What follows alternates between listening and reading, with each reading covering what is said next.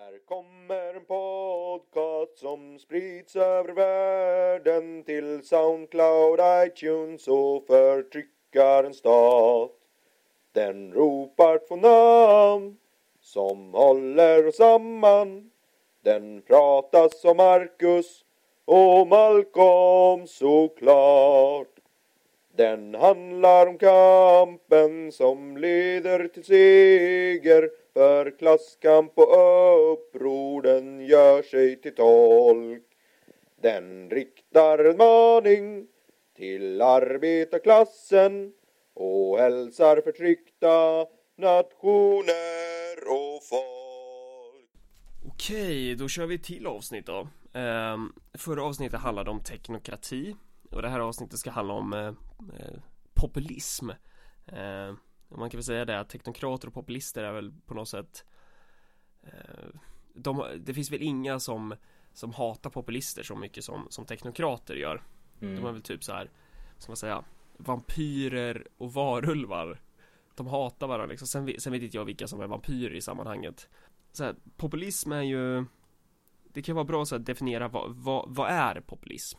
Och, och den enkla Wikipedia-definitionen eh, ger oss ganska bred definition. Eh, populism har egentligen bara två kriterier och det handlar om att eh, man målar upp en konflikt mellan eh, eliten och massan och sen att man förklarar politiska skeendet på ett förståeligt och förenklat sätt. Och därmed så blir det ju ganska så här det blir jävligt intetsägande att anklaga någon för populism egentligen. För att det finns ju genom historien finns det ju inte en enda aktör en enda framgångsrik politisk aktör eller framgångsrik politisk rörelse snarare som som inte kan anklagas för att vara populistisk. Och eh, så här, det är inte sägande att eh, säga att någonting är populistiskt men det är kanske inte inte sägande att fråga sig varför folk anklagar eller varför vissa anklagar andra för att vara populister. Det är inte intetsägande utan det är ganska talande för våran samtid kanske. Ja, nej men populist är ju liksom någonting som man verkligen inte vill vara typ tillsammans med nazist, rasist och massor med andra ister liksom. Uh, ja, men precis som du säger, alltså intressant just hur detta har blivit den här liksom heta potatisen som man kastar i ansiktet på andra. Uh, liksom, varför gillar vi att hålla på och slänga det i ansiktet på varandra och varför känner vi att vi behöver det? Eh, och jag menar, liksom, det är ju ingen större hemlighet att det är på grund av att det finns ganska många populister och det går ganska bra för dem. Och att det är jobbigt. Liksom. Det, här, det här är ju inte ett, ett teoretiskt problem. Liksom. För många så är det ett, ett väldigt konkret problem. Just populister som kommer och, och ställer till massor med problem för den, den liksom perfekta samhällsapparaten som liksom, och den perfekta samhällsekonomin och så vidare som man har liksom, experter har klurat ut hur Ja, de ska till fungera. exempel, sä- säg, säg att en expert så tycker att eh, men, de fattiga de, de ska få ännu mindre liksom, eller de här, de arbetslösa de ska typ vi, vi, vi, ska, vi ska amputera deras ben och, sä, och sälja det som kattmat eller, eller någonting annat smart som experterna kommer på att, att då kommer det komma några som tycker så här nej det ska ni ju inte göra eh, och då kommer man ju direkt bli anklagad för att vara populist det var ett jättedåligt exempel kanske men Ja, men så- alltså det, ja, det är väl lite makabert men kolla vad folk, vad de här människorna säger är ju mer eller mindre så här. Och vi stänger av typ subventioner till, jag vet inte, uppvärmning. ja, Eh, eh, liksom under en kall rysk vinter eller något sånt. Då kommer folk att eh, Vissa människor kommer att frysa ihjäl och det kommer att agera motiverande på resten så att de jobbar hårdare. Liksom Ja. Det är mer eller mindre så som man säger. Typ.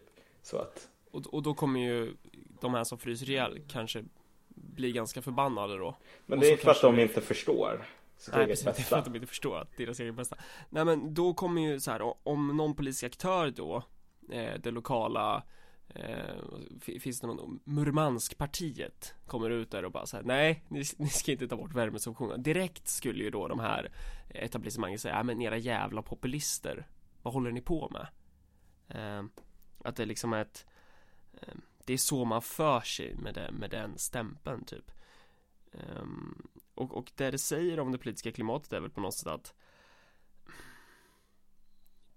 Pöben är äcklig. Ja, att, att så här, stå inte i vägen för experterna. Mm. Ehm, att, att populismen håller i, i begreppet så finns det något, det finns inte det är inte populismen i sig som är, som är det farliga utan det är snarare det håller på ett förakt mot folket, mot pöbeln. Eh, att att eh, det är ett uttryck för ett folkförakt. Det är ett uttryck för, och kanske snarare ett uttryck för en skräck gentemot folket, gentemot folkflertalet. Mm, ja, men alltså, vet du vad, om jag sitter i mitt liksom palats och säger så här. Det som fattiga människor behöver, det är att se liksom släktingar och liknande typ få massor med bristsjukdomar, någon kanske dör i undernäring eller någonting. För då kommer de att jobba hårdare och så kommer de att liksom få utveckla en arbetsetik och så kommer deras liv att bli mycket bättre. Medan jag biter på min jävla liksom rostbiff. Ehm, jag vet ju då att om jag frågar de här människorna där ute, liksom, men vad tycker du? Då kommer de att säga, jag tycker du borde hängas från en lyktstolpe. Så att liksom populism är jobbigt liksom för, för man vet redan från början att populism det är ju liksom ge folk som tycker illa om en själv någon sorts liksom, utrymme att göra sin röst hörd. Och det kan bara få ett resultat. Ja. Liksom. Det, finns ingen, det finns ingen chans liksom, ens att de kommer att säga något annat än att liksom, ni har fel. Så att, därför är populism liksom, rent definitionsmässigt någonting som är problematiskt. Ja, och, och det är väldigt, som sagt, väldigt brett. Det kan ju vara åt, åt vilka håll som helst, så att säga. Ja. Men det är massan som är äcklig liksom. Det är allt det här folket där utanför liksom, palatsväggarna som Ja, ja, alltså förakten mot populism handlar ju om det. Att massan är äcklig, att massan är okunnig och inte, och inte förstår eh, det universellt bästa för samhället. Ja, alltså den här sortens liksom, folkförakt som man ser idag, liksom, som döljer sig väldigt liksom, under ytan latent när folk säger därför är populism dåligt. Har en väldigt lång historia och liksom finns inget land som är bättre på det än Ryssland. Alltså, grejen med, med, med Rysslands historia under liksom tsartiden, tsartiden och så vidare. Det är typ att ryssar till skillnad från liksom andra länder, eller mer än andra länder i alla fall, verkligen. De som styrde i Ryssland, Romanovs, liksom, den, den dynastin, avskydde verkligen ryssar. Alltså, det går inte ens riktigt att liksom understryka hur mycket de som styrde i Ryssland hatade ryssar.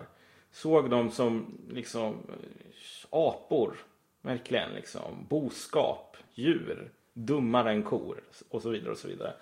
På den här tiden så var ju adeln väldigt internationell liksom. Det fanns inga det fanns inga liksom folk, inga, inga nationer utan liksom adeln, det var adeln. Och liksom om du var eh, adel i typ Bayern eller Sverige så liksom, man upplevde liksom alla en sorts gemenskap just på grund av att man tillhörde den internationella adeln. Så. Men i Ryssland så var man väldigt, väldigt mån med att understryka. Ja men kolla, vi tillhör en internationell adel. Vi är inte som de här liksom boskapen ute på fälten. Min farfar är från Preussen och min moster är från Galicien och min faster är från bla bla bla sådär. Jätte, jätteviktigt. Därför att ryssar, de är jävla liksom, det, det, det är värre än negrer liksom. Men, men likt förbannat så, så var man ju ändå tvungen att styra över de här eh, jobbiga ryssarna. Precis. Man satt där i Sankt Petersburg och hånade sig över hur eh, liksom, efterblivna ryssar var. Men jag menar, det var ju de som betalade skatten och såg till så att liksom, man hade eh, eh, eh, mat på bordet på sina banketter och liknande. Så man kunde ju inte bara säga, vet du vad, ni får ta ett pick och pack och dra, dra någon annanstans. Liksom. Mm. Och framförallt så var det ju deras, deras av Gud givna plikt på något sätt. Att, Ja. att styra över de här. Men, ja men precis. Men man verkligen, man hatade äh, ryssar och man tyckte att de var alltså verkligen så här. Jag överdriver inte när, man, när jag säger att alltså, ryssar var en underlägsen ras. Och det där, det där är någonting som fortfarande finns idag. Om du tänker dig uh, alla de här människorna som jobbar för liksom typ think tanks i Washington och så vidare som har flytt Ryssland för att det är så hemskt. Um, om man kollar på liksom vilka sorts böcker som de skriver. Jag tror till och med det finns, vad heter hon, Nina, jag kommer inte ihåg vad hon heter i efternamn men hon Nej, men hon är ättling till en av de här, han med blaffan på ansiktet tror jag. Eller någon av dem. Ja, jag tror det. Eller Gorbatjov eller någon innan. Jag kommer inte ihåg. Någon av de här kommunistiska högsta hönsgubbarna liksom. Någon släkt med. Har ett liksom fint jobb i Washington där hon skriver liksom teoretiserar om typ vad är det som är fel på ryssars hjärnor som gör att de inte kan förstå demokrati? Alltså verkligen så här. Jag måste förklara varför typ Ryssland tycker om Putin. Och jag, jag skulle ju säga något sånt här att ja men vet du vad, liksom, ryssar skulle rösta för djävulen själv om djävulen själv gjorde slut på den sorts liksom, humanitära ekonomiska katastrof som du hade på 90-talet. Eh, där, alltså det är, Ryssland om typ 50 år kommer att ha hälften så många människor som det hade på 90-talet. Det är så jävla djup katastrofen var. Eh, så liksom, vem som helst som försöker liksom, stoppa det kommer att vara populär, skulle jag säga. Men eftersom Nina, vad hon nu heter i efternamn, är ryska eh, och kommer från en rysk idétradition från Moskva och Sankt Petersburg. Så hennes förklaring är bara så här, det är någonting fel på ryssars hjärnor någon underlägsen genetik, arvsmassa, någon slavisk slavmentalitet. Hör man ju på namnet slaver liksom. De förstår inte frihet. Eh, eh och det där att det, det chockerar mig verkligen att det finns folk idag, liksom så här, folk på typ DN och SvD som liksom läser en sån bok och tänker fy fan det här Djupa tankar alltså. Här, här har de funnit någonting. Ja, det här är väldigt intressant alltså. Nej, ja. vet du vad? Det där är gammal skåpmat. Fem, mm. liksom 400 år gammal skåpmat. Liksom, ja. Ryssar ute på landsbygden, underlägsna människor, så. Det finns väl ett annat exempel också. Eh, ja, lite närmare till hans. Ja. Som vi har avhandlat i, i eh, i ett avsnitt redan och det är Twittervänstern eller identitetsvänstern om man ska kalla dem att där har man ju också det här förhållningen mot den här vidriga pöbeln eh, och där om det är någonstans man verkligen kan stöta på så här men det där är ju populism så är det ju så är det ju hos dem eh, att så här man, man för sig med man, man det finns ju ingenting värre än än den här stora gråa äckliga massan eh, som inte förstår sig på deras, vad det nu kan vara, normkritik av olika slag. Och det är ju liksom inte, det är ju inte bara så här att de, det, det, det är jobbiga för mig att de måste ju på något sätt, det här är ju ändå eh, personerna som de ska styra över, så att säga. De, de vill ju styra över det här folket. Att du, alltså jag, jag kommer ihåg, vi snackade någon gång. Och så var det verkligen så här, jag tror det var någonting som du sa, som bara slog mig rakt i ansiktet kolla, fy fan vad jävla mycket dagens är liksom, kultur-twitter. Det som Breivik håller på att kalla kulturmarxister liksom och raljerar emot. Men fy fan vad den delen av vänstern idag liknar typ den ryska högadeln. Så sjukt liknande situation. Den är väldigt så här geografiskt lokaliserad. Det är liksom så här urbana centran. Um, och den avskyr, avskyr, avskyr sina undersåtar. Ja, Men... det är verkligen så de ser på Eh, personerna som inte förstår deras otroligt eh, djupa normkritik eller vad det nu är för annan. Och den, den har verkligen det här liksom eh, nästan pseudoetniska liksom synsättet där undersåtarna, alltså de är liksom de är underlägsna till naturen. Om du, om du tänker dig så här, de här gamla, hur man såg på typ kolonialfolk. Liksom. Till hälften djävul, till hälften barn. Det, man har precis samma, liksom, det här är inte så att det är människor som har liksom, misstagit sig eller något sånt, utan det är inherent i liksom, deras arvsmassa eller något sånt. Liksom. Så det här folket ute i bruksorter och de här invandrarkidsen som aldrig håller käften och, talar på Rinkeby-svenska eller vad det nu är. De, man, I slutändan så liksom, de går inte att rädda, typ. Nej, och det, det är därför de här Twittervänstern de får helt enkelt styra över dem. Mm. Ja. I den bästa av deras världar så att säga. Men det, det roliga med det när det gäller populism är alltså att Twittervänstern är på något sätt det är ju en omvänd populism att så här istället för att det är eliten som förtrycker massan så är det ju massan som förtrycker den eh, lilla förtryckta upplysta eliten att de är ju väldigt väldigt hårt ansatta av det här folkflertalet Eh, och, och allting och så här, om, om man kan tänka vi har ju varit inne på det här tidigare som sagt men det handlar ju verkligen om att hålla den här pöbeln på avstånd att, att så här, försöka profilera, du profilerar dig själv genom ditt avståndstagande till folket. Mm, ja, men den, den, den, den ryska adeln hade väl ungefär samma inställning. Eh, liksom, du vet, man var belägrad i Sankt Petersburg och Moskva liksom. För runt om resten av landet så var det den här liksom människorna som inte förstod hur jävla förträffliga man, man var. Och det där är väl någonting som går igenom i alla exempel. Alla som inte har haft ett folkligt stöd eh, brukar ju ofta hamna i slutsatsen att anledningen till att jag inte har ett folkligt stöd är för att folket är idioter. De förstår ju inte sitt eget bästa. De är dumma i huvudet. Jag kan, jag kan ta tusentals exempel från vänsterpartiorganisationerna där, där det var så här eh, det var någon ombudsman till exempel och hon bara Nej men eh, Folk röstar inte på Vänsterpartiet eftersom folk är dumma i huvudet. Hon säger det rakt ut. De är ju dum, de är idioter. Eh, och, och, du vet Det där är ju så här Det där är väldigt vanligt där. Alltså den sortens resonemang.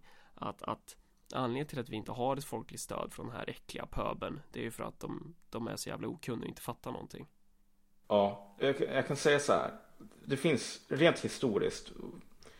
Om du är en förlorare, liksom rent politiskt. Många liksom inom in, den andra delen av liksom vänstern som typ har en ideologi som mer eller mindre säger så här att liksom så som den, den, den historiska materialismen har talat så är det garanterat att vi ska vara populära och att liksom världsrevolutionen ska komma och liksom upphöja den här trotte-redaktionen till liksom, jag vet inte vad, till, till skyarna och de ska bli liksom härskare på livstid.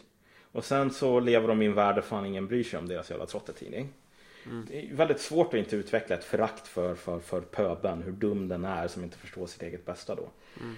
Um, det är väl lite samma sak som Jehovas vittnen också, att så här Ja men de här, de här är ju förlorade Ja, jo men precis Alla som, som inte är med i våran egna sekt eh, de, de kommer till helvetet. Och även folk som är med i vår egna sekt. För det är bara de, de bästa i sekten som kommer till himlen.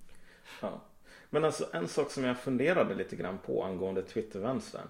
Det är att det verkar som om många av de här liksom, frågorna som nu har blivit så otroligt populära och som verkligen är de här vattendelarna. Liksom, om du är vänster eller inte typ. Vad tycker du om Conchita Wurst liksom? Så. Uh, jag känner bara så här, liksom okej. Okay, Eurovision Song Contest har ju kallats för liksom överpolitiserad tävling och så vidare. Men alltså vad som händer där, det är fan inte det viktigaste inom politiken.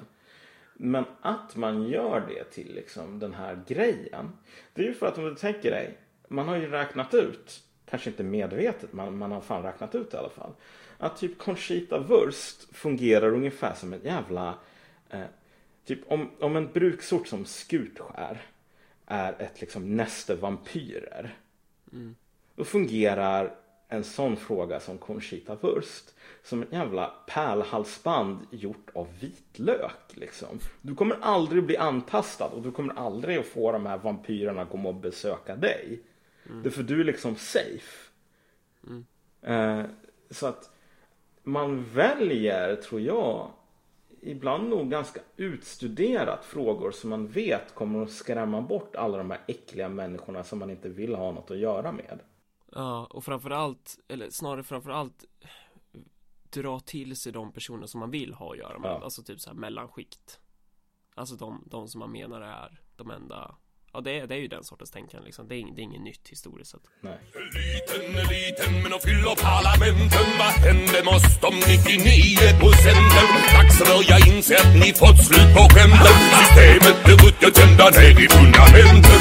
Liten, liten, men de fyller vår riksdag. Fyller sina fickor, de fixar och trixar för vanligt folk. Skådespeleri.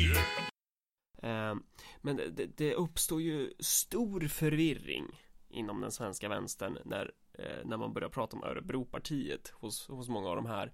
Eh, och, och det rent instinktiva uppkräkta intränade läten, lätet som, som kommer fram är ju då att men det där är ju populism. Va, ja, det är det. Och det, det är liksom, de kan inte förstå eh, det, det, jag, jag vet inte var jag ska börja någonstans. Jag läste någonstans, eh, jag tror det var på socialist.nu, typ att så här, om Örebropartiet inte klarar mandat så är det det slutgiltiga beviset på att vänsterpopulism inte fungerar. Mm. Eh, jag vet inte, för, för det första så är ju populism i sig själv jävligt intetsägande. Och för det andra så är det ganska intressant att hu- hur personer överhuvudtaget kan säga något sånt när vi har liksom Podemos eller Syriza eller vi inte kan ta en enda historisk politisk aktör som inte kan anklagas för att vara populism. Mm, ja, jag kan, jag kan, det finns tusen olika exempel på vänsterpopulism. Allt ifrån typ, ja som sagt det är ett väldigt brett, precis som du säger, det är väldigt brett och intetsägande. Vilket gör att man kan inkludera typ diggers, levelers, Huey DeLong tror jag han hette i USA, typ Roosevelt. Vi kommer att prata lite mer om honom senare kanske. Men hur många namn som helst. Uh, och bara säga så här, vänsterpopulism inte funkar, bla bla. Du kunde ju, alltså varför inte säga så här egentligen? Typ. Ta något nazistiskt parti som inte vinner mandat första gången de ställer upp i val.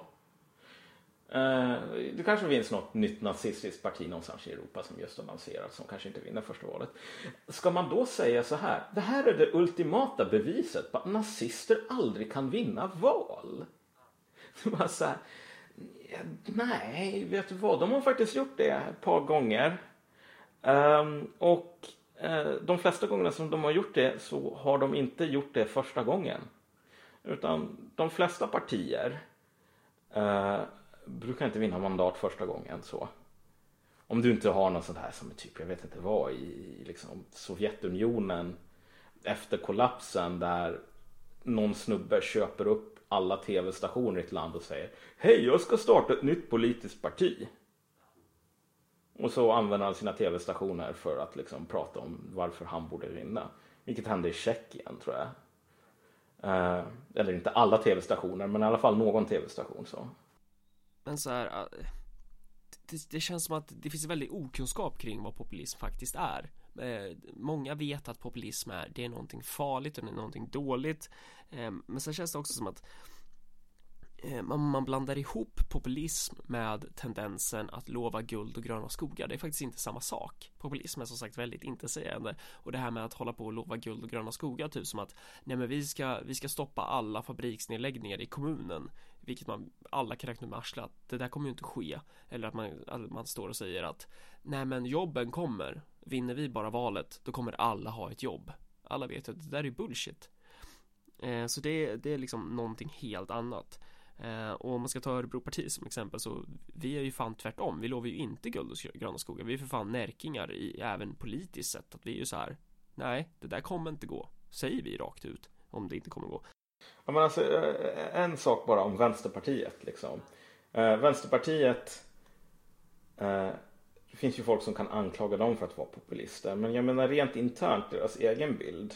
De flesta av dem hatar ju populism. De har ju inget problem med att lova guld och gröna skogar liksom. Fabriksnedläggningar är dåligt, bla bla bla. Så här, ja, men vet Ja. du vad?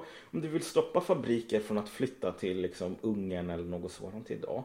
Du behöver antingen gå ur EU eller typ omförhandla verkligen grundläggande premisser för EU-samarbetet. Det går inte så jävla bra för David Cameron som försöker samma Eller, sak. eller bara bygga någon slags planekonomi och det finns ju inte ens på kartan. Ja, Ens i teorin för de här människorna. nej men precis. Men att bara säga så här. Ja, typ Cloetta lägger ner sin fabrik. Gud vad hemskt liksom. Vi måste göra någonting åt det. Det är så jävla billigt. Från folk som inte tar det på allvar. Så populism, även de som hatar populism och liksom använder det som ett skällsord har inget problem med att lova guld och gröna skogar. För att det, det, det, det är oftast enklare att lova guld och gröna skogar än att lova det som faktiskt folk vet behövs. Så det man kan säga är väl att typ Vi kan hitta två anledningar till att populism är dåligt. Den första anledningen är den här papegojan Som säger men det där är ju populism. Och populism är dåligt för att det är ju populism. Och den andra anledningen är typ att man låter människor ha någonting att säga till om typ. Man vet redan att typ om folk får säga till om någonting då kommer Ja. de att säga nej vet du vad jag tror inte alls äh, äh, lösningen på typ arbetslöshet är att sänka alla löner och sen se till så att folk accepterar vilket jobb som helst eller svälter ihjäl liksom. De flesta människor som kommer att vara de som får svälta ihjäl kommer att säga nej vet du vad det finns säkert något annat sätt att lösa det på typ. Ja, och då har vi ju så här Idag har vi massa jävla bankirer som beter sig hur de vill de plockar ut en jävla massa pengar och de är typ i princip eh, De döms inte efter någon lag eller någonting så här. De, de klarar sig undan. Och folk blir ganska lacka på det där. Och om man eh, i ett sånt läge skulle säga så här Nej men vet ni vad, vi kanske ska döma de här bankirerna efter Efter samma straffskala som oss övriga. Då skulle du bli anklagad för populism. Ja, eller om du har ett gäng politiker som till exempel i Örebro kommun som har plockat ut en jävla massa, fifflat till sig en jävla massa pengar. Eh, bland annat en, en moderat som har plockat ut 418 000 kronor eh, i förlorad arbetsinkomst trots att han inte ens hade ett arbete för han var, han var liksom pensionär. Eh, och sen så hävdar han att, han att han inte har märkt att han har fått ut de här pengarna då. När vi då gör en film på det här, när vi då påpekar det här, då kommer de andra partierna och så säger de direkt så här, men det där är ju populism. Det så här, det var en kommentar under den här Nerikes Allehanda artikeln till här Så stod det liksom Jag har skrivit en uppsats om populism och Örebropartiet uppfyller alla definitioner med råge Alla två definitioner med råge Och det är ju Ja Jaha Och nu kommer vi lite grann till pudelns kärna på många sätt. Liksom. Att du, du får, man får den responsen i ett sånt läge där egentligen det går ju inte att argumentera för att, att det här är fel. Om du fattar vad jag menar. Det går bara att argumentera för att det är populism. Det är i slutändan.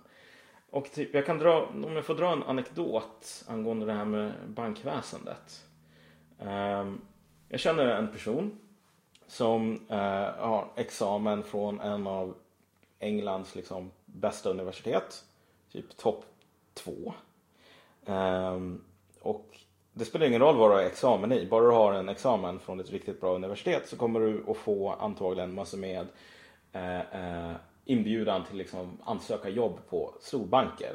Som, därför att det där är nästan en sorts modern adel idag. Liksom. Det enda som du behöver det är ett adelsbrev som visar att liksom, du är smart. Sen så spelar det ingen roll vad du pluggade. Du får hålla på och syssla med liksom, finansiell hokus pokus ändå. Men det som han sa på en arbets... Liksom en, han gick på en arbetsintervju åt en riktigt jävla stor, stor bank. Internationell sådan.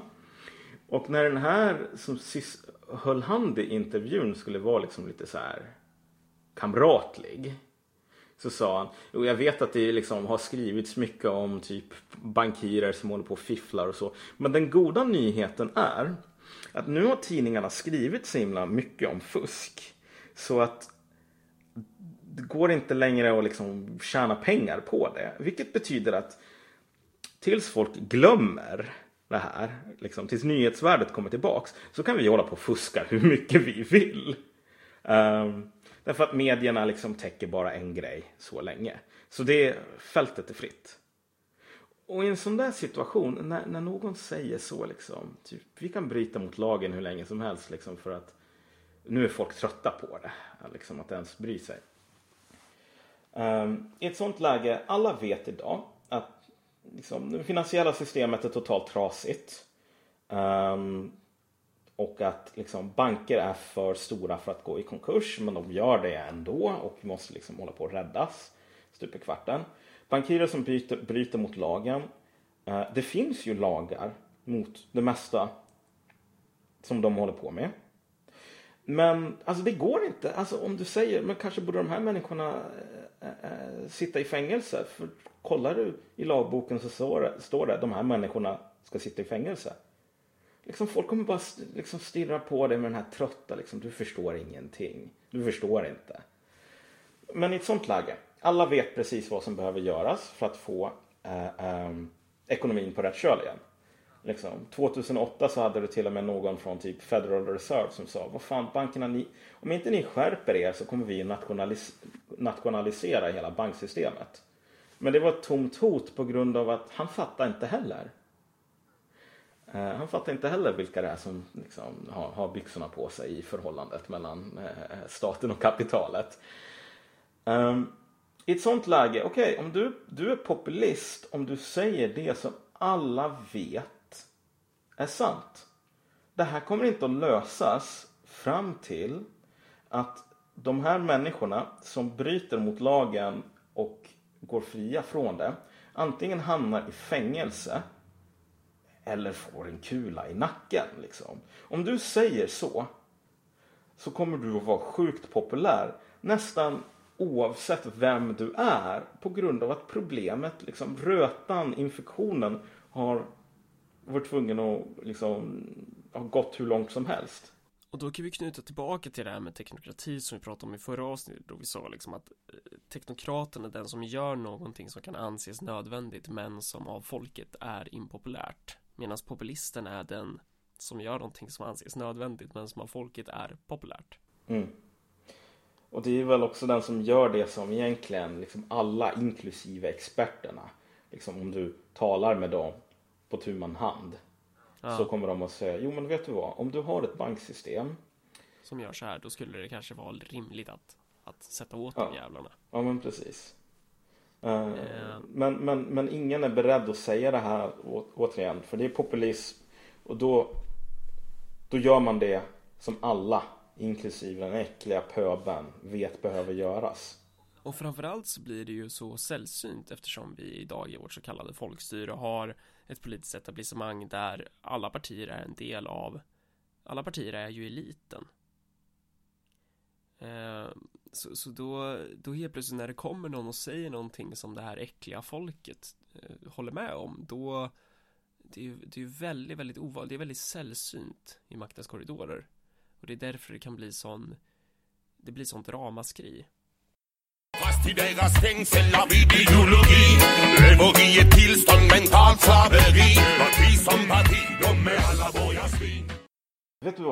Nu när du sa det där, jag insåg just en sak. Vi pratade ju lite grann om franska revolutionen. Förra avsnittet där med högadeln och så vidare. Um, och liksom, du har helt rätt i att politikerna idag tillhör eliten. På ett, på ett sätt som är väldigt, liksom, går att känna igen väldigt mycket i historien. Men för att um, som vi sa förra gången, liksom i Frankrike, okej, okay, då hade massor med borgare som köpte liksom adelsbrev, blev adliga. Ehm, men när, när Ludvig den fjortonde försökte liksom ta bort makten från adeln så var det genom att liksom eh, sätta makten i händerna på liksom byråkrater och liknande som han anställde från medelklassen. Men till slut så blev de här mer och mer, liksom, de kunde bli en del av adeln. Så de hade inte längre något intresse av att eh, försöka liksom styra över den, eh, sätta sig emot den överhuvudtaget. För du vet, om 10 år, 15 år, då skulle ju de vara liksom den här adliga. Vad jobbar Per Nuder idag? Liksom. Och vart ifrån kommer de här teknokraterna liksom? som håller på och styr. Vart ifrån kommer Mario Draghi i ECB? Han jobbar på Goldman Sachs förut. Det finns många som hoppas jobba på Goldman Sachs efter att de har avslutat sin politiska bana. Eller, eller om man ska ta som eh, det här med 10-15 år, inte bara politiker som går över till näringslivet då utan utan så här ungdomsförbund om du tittar på eh, Ung Vänster kan du ju ta, alltså varför ska de driva sådana här frågor?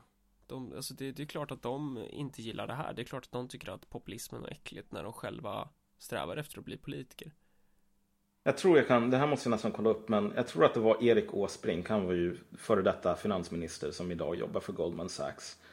Eh, så att liksom även i Sverige så är det ju så att det är väldigt korspollinering om man nu ska använda en, en, en metaforisk term. Men korruption liksom. Eh, och återigen, inte ens det är nytt. Liksom. Dagens jobba på Goldman Sachs går dagens liksom köpa adelsbrev åtnjuta de privilegierna. Och det är ju egentligen, alltså det är ju inom samma inavlade eh, krets. Ja, mer och mer nu. Det, det är ju verkligen eh, det politiska etablissemanget är ju inte bara politiska partier utan det är ju media, det är ju företag, alltså hela den där klägget. Men det visar ju lite grann på att kolla, det här är vad du får i ett låst samhälle liksom. Um, du har liksom det här klägget som bara liksom stelnar mer och mer och mer. Och där även de som rent officiellt ska liksom styra tappar all intresse att göra det för att liksom, de kommer ju bara sabba för sig själv sen. Liksom. Varför ska en politiker hålla på och förebygga korruption? Om man kan tjäna pengar på det själv sen om en tio år. Mm. Sånt gör man ju bara om man är populist. Ja.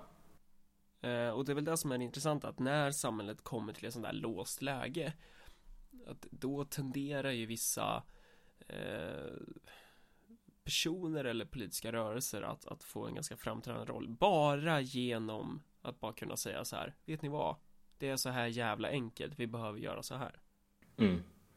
vi behöver så här slå sönder politikernas privilegier vi behöver sätta bankirerna i fängelse vi behöver eh, toknationalisera det här och det här och du vet vara lite populistisk Ja, alltså det är verkligen så här. Um, för att ta det här med liksom finanssektorns inflytande över politiken. Problemet är ju inte att ingen vet vad som behöver göras. Det är skitenkelt. Alla fattar det. Det är hur enkelt som helst. Ett barn kan förstå det. Det enda som du behöver göra det är att skjuta till lite mer resurser till liksom undersöka de här, den här brottsligheten. Och sen ha ganska drakoniska eh, eh, eh straffskalor. Förskingrar du liksom 100 miljarder eller någonting, ja du får spendera resten av livet i fängelse. Och sen bara se till så att typ eh, det inte går att liksom hoppa från Goldman Sachs till, liksom, eh, till att bli finansminister och sen tillbaks igen.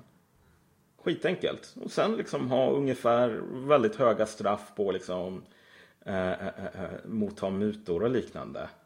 Eh, på politiker. Det är det enda som behöver göras egentligen.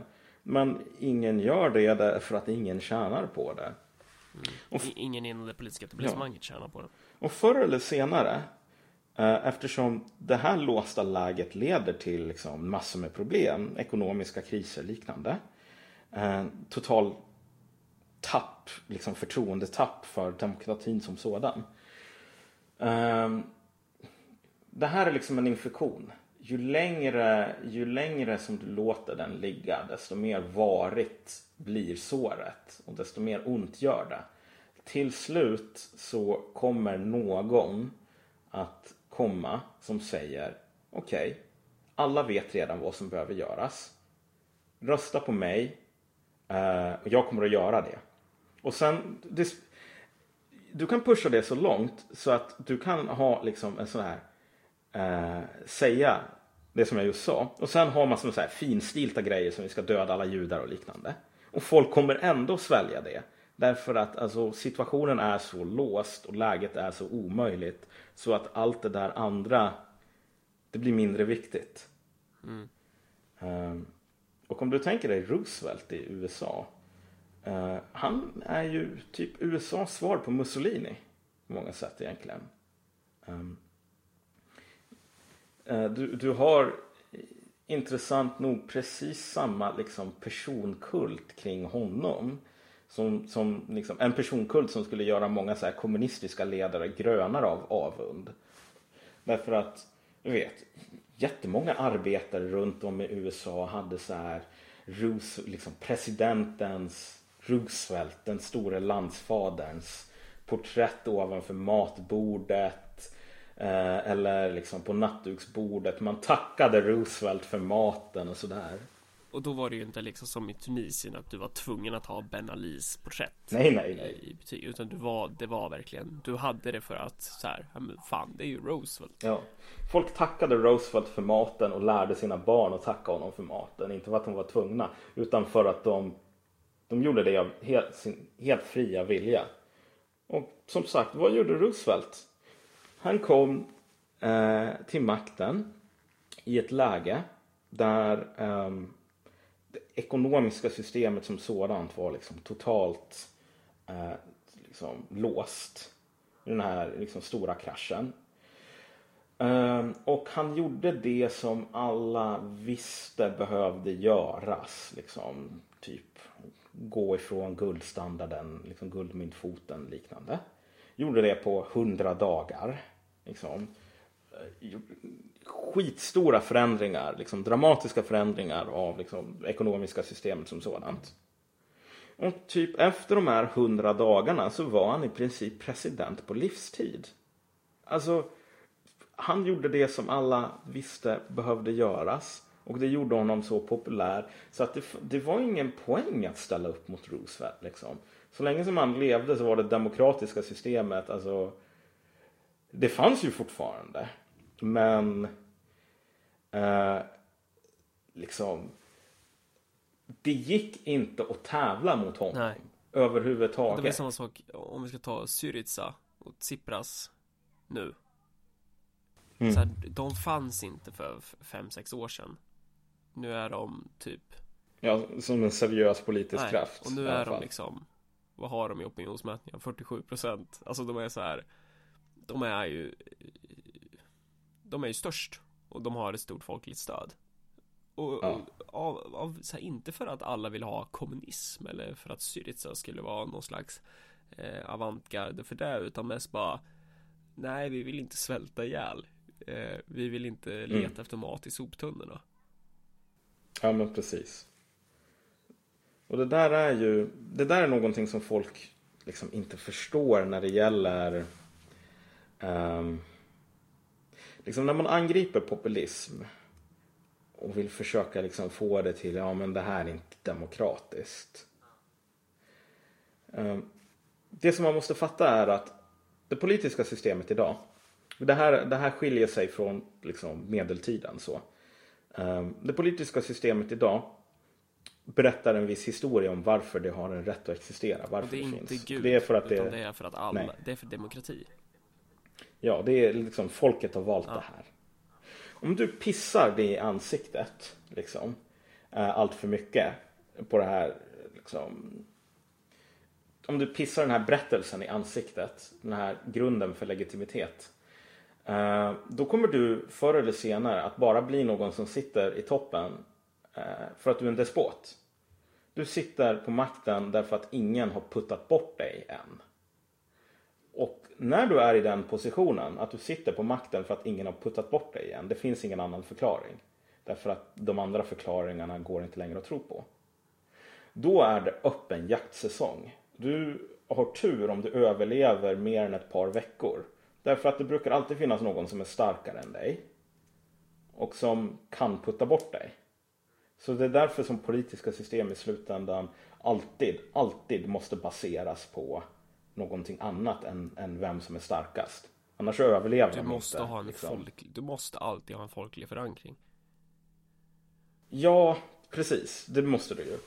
Ehm, Och ett väldigt bra exempel på det är ju typ ta Napoleon mot kejsar Frans den andre.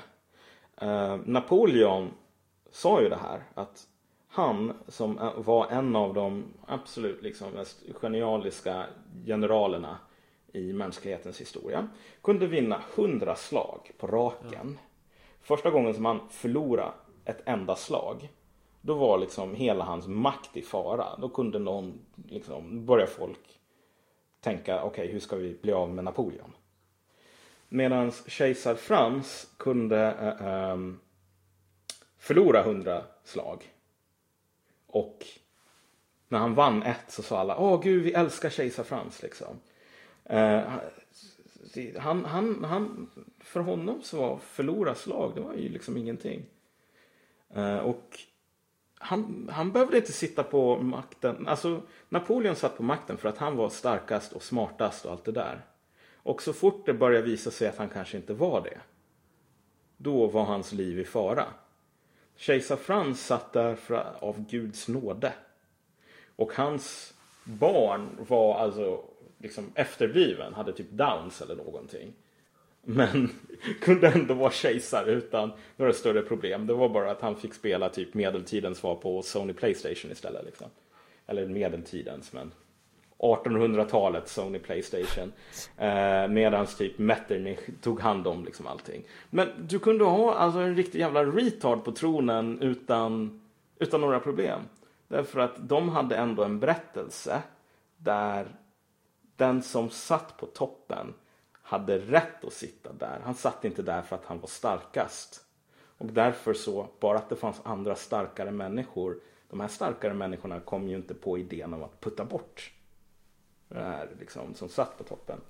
Men om du försöker avskaffa demokrati idag eller göra det till, liksom, till, den här, till en blek skugga som ingen längre tror på. Då kommer inte du att vara någon kung.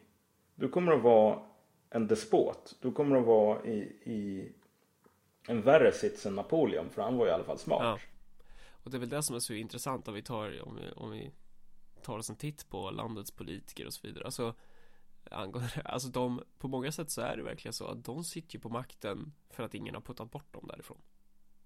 Mm. Och det kommer ju bli ännu mer uppenbart eh, över tid, tror jag. Mm. Och när de angriper populism så angriper de ju liksom de angriper ju den här äckliga liksom massan. De angriper we the people. Ja, och därmed egentligen. angriper de ju det som de själva försöker legitimera sig med. Att de angriper ju demokratin. Ja. Men de försöker ju legitimera sin makt genom att säga men vi är ju folkvalda enligt det här representativa demokratiska systemet. Det är demokratiskt rätt att vi har makt och avskaffa demokratin. typ. Ja, och en gång i tiden var det här mycket mindre av ett problem för då var det inte så att när folk gick till liksom, vallokalerna så var det en chans att fel låt skulle vinna. Så då, då fanns det ingen spänning mellan eh, att rätt låt skulle vinna och att det skulle gå demokratiskt till. Men när du bara kan välja ett av dem. Antingen så har du en demokrati eller så vinner liksom rätt låt. Ja. Då blir det alla de här attackerna på populism. Och så blir det det här liksom att nej men kanske så borde vi typ avskaffa liksom nationellt självbestämmande. Kanske borde några experter i Bryssel liksom bestämma sådana här saker som ekonomisk policy så att folk inte får för sig att typ klyftorna ska minska istället för att öka för att ökade klyftor är mer liksom alla experter håller med om att det är bättre. Ja. Um, I ett sånt läge som sagt du lurar dig själv om du tror att du kommer att bli en kejsar Frans. Utan du kommer att bli en person som sitter där och som alla runt omkring dig undrar, vet du vad?